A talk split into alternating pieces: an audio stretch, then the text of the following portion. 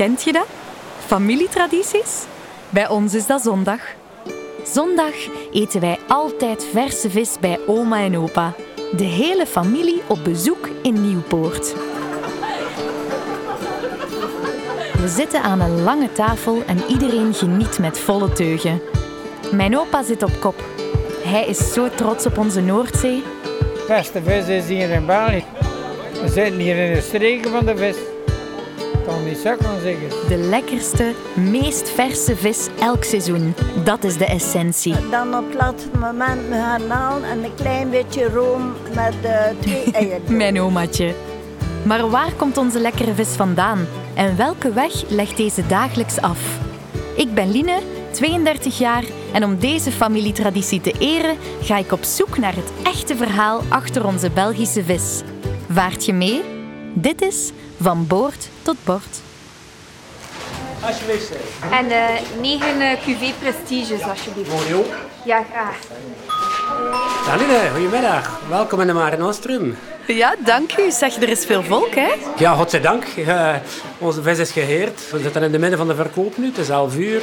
Mensen doen een inkopen. We zijn, we zijn aan zee. eh, veel toerisme ondertussen. Het is een mooie dag. Ja, een prachtige dag. En eh, zo'n mooie etalage, wat verkopen jullie allemaal eigenlijk? Dus wat je ziet hier, dat is een mooie etalage aan kruidverse vis. Duurzame vis. Allemaal van A tot Z. Gevangen door onze Belgische vissers. Het, het blinkt, het spreekt mij heel hard aan, als al ben ik de eigenaar en de, en de baas eigenlijk. Maar dit is een etalage die mij veel plezier doet. Aansluitend hebben we heel veel crustacés ook, gekookt meestal. En dan bovenop nog veel bereidingen. Omdat we overtuigd zijn dat met al deze mooie vissoorten heel mooie dingen te maken zijn. We willen onze klanten ook meenemen in het verhaal dat, kijk eens, de brute vis die hier ligt, die kan ook prachtig bereid worden. Het is werkelijk een feest als je dat bij je thuis op tafel zet. Het is duidelijk. Angus is helemaal in de ban van vis en baat zijn viswinkel met passie uit. Het duurt dan ook niet lang voor hij me meeneemt achter de schermen van de Mare Nostrum. Voilà, we zijn in de keuken beland. Net achter de winkel dus. Hier worden alle bereidingen gemaakt. Wordt, uh, je ziet zoals het, uh, het is momenteel, het is een drukte van je welste. Er wordt heel hard en heel veel gekookt. Hard gewerkt ook. um, we werken met drie in de keuken. Alle bereidingen worden dagvers, kruidvers gemaakt. Direct naar de winkel doorgeschoven. Um, handig op die manier. Het ene leunt aan bij het ander. En ja, voilà, het is, uh, de steamer staat op volle bak te, te haren, de potten staan op het vuur. Uh, het is ambiance, ik zal het zo zeggen. Momenteel. Ja, mai, ik zie het. En wat staat er daar? Hier staan onze koelkasten, de bereide koelkasten. Een kleine diepvriezer, scampis en consorten. En we hebben de visfrigo, waar alle goud van de Noordzee zich bevindt. En wat valt er hier natuurlijk op? Momenteel staat hier behoorlijk weinig vis. Dat heeft een reden, we zijn donderdag. Alle vis ligt eigenlijk al in de etalage. Uh, er zijn drie veildagen in een week. De maandag, de woensdag en de vrijdag. Dat zijn voor mij de drie hoogdagen van de week. Daar stak ik met heel veel plezier s morgens vroeg op. Rijk ik, morgen zal dat Zeebrugge zijn. En kies ik onze nieuwe selectie voor het restaurant en voor de winkel. Ah, de visveiling. Dat is bij Sylvie. Daar ben ik al langs geweest. Wij uh, zitten juist aan de kade, achter de sluis. Zodanig dat de boten uh, gemakkelijk kunnen binnenkomen en een vis kunnen lossen om s'nachts dan gesorteerd te worden in de veiling en s'morgens verkocht te worden. De veiling is dus de plaats waar de verse vis wordt gekocht. Niet alleen door de groothandels, je weet wel, Mike of Danny. we voelen elkaar aan, we kennen de klanten. Dus Danny koopt niet lukraak aan, hè, dat is zeer gerecht.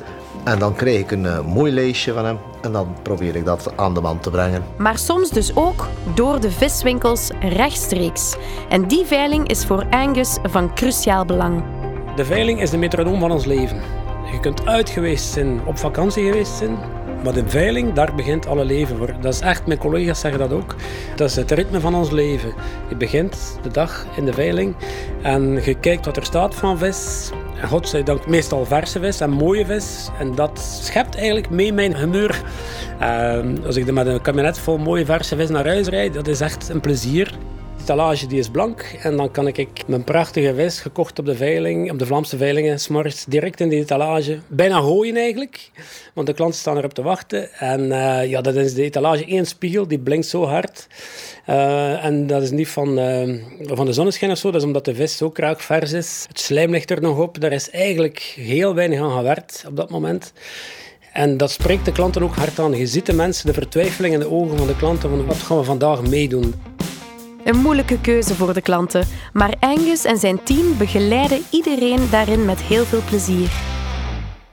We verkopen niet enkel vis, we adviseren ook hoofdzakelijk. En dat is ook een heel belangrijk aspect inderdaad van ons beroep, is inderdaad tegenwoordig van de mensen mee te nemen in het verhaal van duurzaamheid.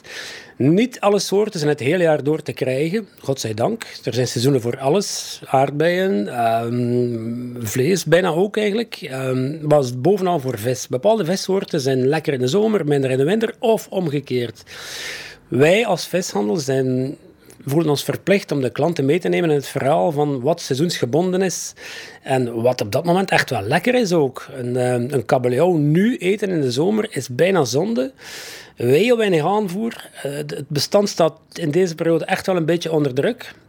Wij verkopen dus ook geen kabeljauw, maar ik kan u magnifieke heek of mooie meid verkopen die naar mijn, mijn zinzins nog veel lekkerder is. Ik ga je nog een, nog een pluspunt, veel goedkoper bovenin. En van het seizoen en van onze Vlaamse vissers. Kabeljauw wordt momenteel niet aangeland in de Vlaamse veiling, helemaal niet, 0,0. Dus waarom zouden wij ons op de kabeljauw toeleggen, terwijl er zoveel andere pladijs nu is prachtig. Eet pladijs in de zomer. En onze klanten gaan heel hard mee in dat verhaal. En hoe ervaren de klanten die suggesties dan? Geven ze soms complimentjes achteraf? Meestal zijn de complimenten groot omdat de mensen inderdaad content zijn van wat ze geproefd hebben. Een soort dat ze bijvoorbeeld niet kennen of die onderkend is, dat ze dan toch meenemen naar huis. En wat blijkt? Dat blijkt een heerlijke vis te zijn. Zalig voor de klant en voor ons als viswinkel een heel leuk aspect. Amai, dat lijkt mij heerlijk om onbekende vissoorten klaar te kunnen maken. Maar ik moet eerlijk zijn, ik kan dat niet. En ik denk niet dat ik de enige ben. Dus Angus, kunt je geen tips meegeven? De trucjes zijn als je bakt, nooit in boter starten, maar in olijfolie, een hele warme olijfolie. En de vis goed toeschroeien aan één kant. En dan draait je de vis om, als hij mooi goudbruin is. En pas dan doe er flink wat boter bij. En die boter die zal direct smelten door de temperatuur van de olijfolie. Die wordt netjes bruin. En dan royaal oversausen met die braadboter. Dan pakt die vis werkelijk alle saus en alle boter dus en alle fijne smaak op. En dan is hem in no time klaar het koken ook. Opzetten in koud water, aan de kook brengen en eigenlijk direct afzetten. Dan heb je een filetje die mooi blank is en mooi stevig. En daar kunnen alle kanten mee op. Amai, ik begin spontaan te watertanden. Gelukkig neemt Angus mij mee naar Julia, het restaurant dat hij naast zijn viswinkel ook uitbaat.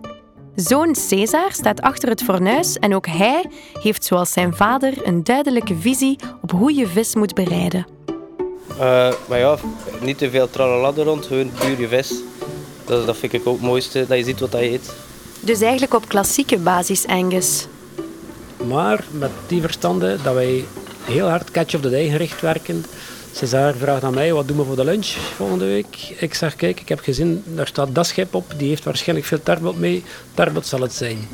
Dan schiet César in actie en begint hem mij voorstellen te sturen per sms of we zien elkaar van kijk, dit is het seizoen van de ertjes, we gaan een gerookte paling bij doen en een dragoonolie. Zo was het gisteren bijvoorbeeld nog. Vader en zoon die dezelfde passie delen. Amai, fantastisch. Maar hoe zijn jullie als familie in deze branche dan terechtgekomen? Bij ons is het werkelijk, het is ons leven. Vis zit in ons bloed, kan ik maar zo zeggen. Um, ik ben zelf vijfde generatie uh, vishandelaar eigenlijk. Dat is al uh, Julia, mijn overgrootmoeder, was de eerste generatie. Haar vader, Pette zijn een foto hangt hier tegen de muur, was visser, pannenvisser. Dus het zit eigenlijk in onze aderen, werkelijk. Mijn vader ook. Mijn vader die is net geopereerd aan zijn knie, ligt in een revalidatiecentrum. Ik bel met hem. Zijn eerste vraag is, hoeveel in de herna's dat, dat, dat is het verhaal van onze familie eigenlijk. Ik heb alles geleerd van mijn vader en hij van zijn ouders. En dat is het mooie aan ons verhaal. Mijn zoon, César zit naast mij, ook hij, zesde generatie, pikt dingen op die je geen boekjes kunt lezen, die je op televisie niet kunt leren, dat je in de school niet kunt leren, die werkelijk doorgegeven is, al generaties lang uh, van voorbij en hopelijk nog achter César ook dan. Ja, César, je bent er dus voor in de wieg gelegd. Ja, ja, ja. Daar heb ik midden geboren. Hè. Uh, alle, alle verse vis. Ik nooit beter gekend dan de verse vis direct van de veiling. Nog altijd op mijn bord. En ik ben er eigenlijk ingerold uh, zonder dat ik het per se wou. Maar het ligt me echt wel. En, uh, door de jaren ben ik erin gegroeid en eigenlijk echt de passie voor gekregen. ik heb tijd genoeg om te leren. Ik heb uh, vijf generaties vol informatie dat ik zo krijg. Dus ja, ik ga veel voorop lopen met mijn leeftijdsgenoten die ook in de vistzone willen, omdat ik al die informatie al heb. Hè. Angus kijkt liefdevol naar zijn 23-jarige zoon. Nostalgisch vraag ik hem of hij mooie herinneringen heeft aan de tijd met zijn papa. Ik herinner mij heel goed de eerste keer dat aan de veiling ging. Mijn papa was op prijs. Ik ben naar huis gekomen, echte waarheid, met een lege camionet. Ik, het lukte niet, het lukte niet. Lacrier was het dan nog, in het Frans gezegd. Er werd nog geroepen in de veiling. Hè. Tijdens de afslag. Ik kon, ik kon het niet, ik kon het niet. En zoetjes dan, ja, met veel te doen eigenlijk, ben ik erin gerold. En ondertussen koop ik al vind ik het zelf goed met vis, aan de juiste, meestal aan de juiste prijs. Ik maak ook nog mijn fouten, zeker en vast, maar geleerd ervan. En is er een groot verschil met vroeger? Ik ben zo'n tussengeneratie. En toen ik als kind meeging met mijn papa naar de veiling, daar stonden honderdduizenden kilo's werkelijk pakweg kabeljauw, vis in het algemeen. Die werden voor spotprijzen verkocht en op het einde van de veiling zelfs weggegooid. Niemand stond erbij stil dat ooit die vis ging opgevist geraken of dat die bestanden onder druk gingen komen te staan. Ik heb dat echt meegemaakt. Dat was toen der tijd nam niemand daar aanstoot aan. Dit, je zou dit vandaag moeten doen. Uh, er wordt betoogd, bij wijze van spreken. Maar toen der tijd was dat heel normaal. Vissers vingen zoveel of dat ze konden. Die kwamen echt met schepen vol, vol vis binnen. Meestal geen frigo aan boord, dus die vis was al van kwaliteit niet meer zo optimaal. Van uh, quota's was helemaal geen sprake, dus die vis werd in de veiling gezet. Die veilingen duurden van 7 uur tot 2 uur s middags, echt waar, ik heb dat meegemaakt. In de zomer of in de winter, maar in de zomer vis mij niet gekoeld. Je kunt gaan indenken dat dat impact had op de kwaliteit van de vis. Tegen twee uur was die vis zo goed, of ja, je mocht hem wegwerpen. Hè. Heel jammer, als je dit nu vandaag zou, zou zien, ik zeg het u, dat zou echt een revolutie betekenen. En hoe is dat dan de dag van vandaag? Vandaag zijn de zaken helemaal veranderd. Onze zeeën zijn inderdaad overbevest geweest. Actueel wordt dat goed gemanaged. Alle vissers in België, of in Vlaanderen tenminste, eh, worden bij, gecoacht door het ILVO. Dat is een instituut die, zich bezighoudt met de uh, quota's van de veiling, van de vis tenminste. En dat is een goede eh, perfect marriage eigenlijk tussen de vissers en het ILVO. Vissers beseffen ook dat het hoog tijd is, dat ze moeten naar quota's toe werken. Overbevesting kan niet meer. En dat zie je vandaag dus ook in de veiling, dat daar heel weinig vis staat. Maar het goede voordeel van die investering van onze vissers, de kwaliteit is top. En de prijzen zijn inderdaad wel gestegen. Maar aan de kant ben ik daar niet rouwig om, omdat dat ook een teken is dat we moeten zorgzaam omspringen met dat, met dat mooie product die vis is. Een product die ook eindig is, die uit de zee komt, die ooit, hopelijk niet, maar misschien wel kan uitgeput geraken. Dus we moeten er echt heel omzichtig mee omspringen. En dankbaar zijn voor uh, ons vis op ons bord eigenlijk. Zeker. Mijn opa dat is een visfanaat, maar hij heeft nog altijd het idee dat er vlak voor onze kust veel vissoorten leven. Is dat zo? Vissoorten van ons, vergeet het, vlak voor onze kust leeft nog heel weinig vis. Jammer genoeg, maar dat is de realiteit. Buiten garnaal en zeebaars, die rond de wrakken leeft, een heel klein beetje tong, een heel klein beetje pladijs. Maar voor de rest, helaas, geen vis niet meer te zien. Dus als je in de zomer een netje, met een netje in zee gaat, er is heel weinig kans dat je nog een tong zal vangen. En van waar komt de vis dan die jullie aankopen? Onze vis, die in onze etalages ligt, die gevangen wordt door onze Vlaamse vissers, komt eigenlijk hoofdzakelijk uit twee belangrijke vangstgebieden. Het ene door de vissers het kanaal genoemd. De engte tussen Ierland en uh, Groot-Brittannië eigenlijk. Daar wordt heel veel tong en rog gevangen. Nu kun je denken, ja, zo ver van hier, hoe komt dat goed?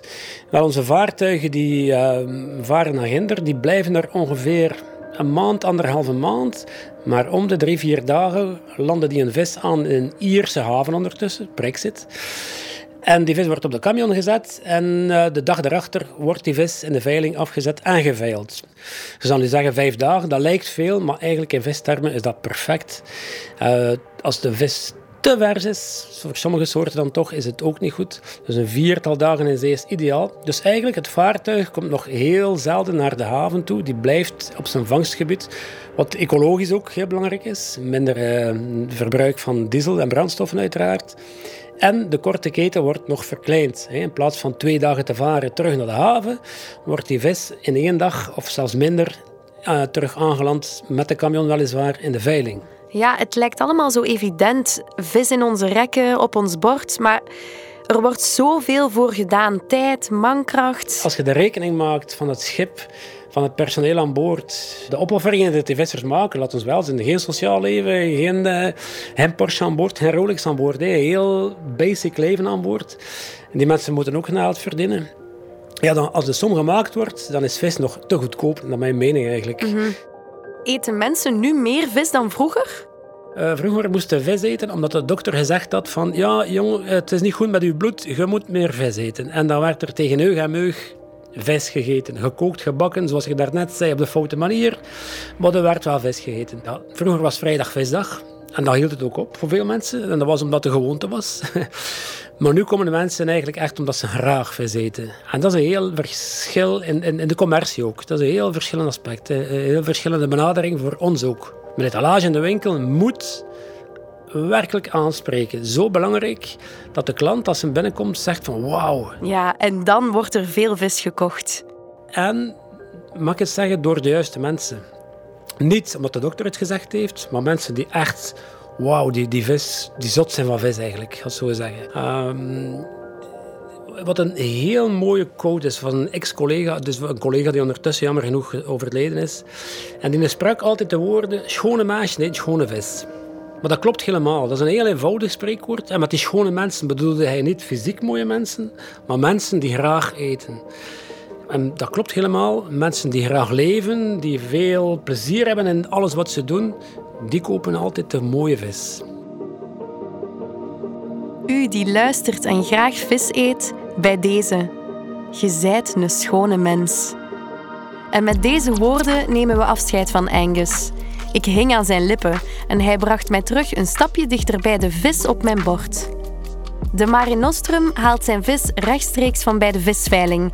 Maar er is nog een manier voor consumenten om de meest verse vis te krijgen. En dat is door te winkelen bij Dini. Als het vers moet zijn, moet je hier zijn. Hè. Voilà. Bedankt. Merci. Merci. Dank.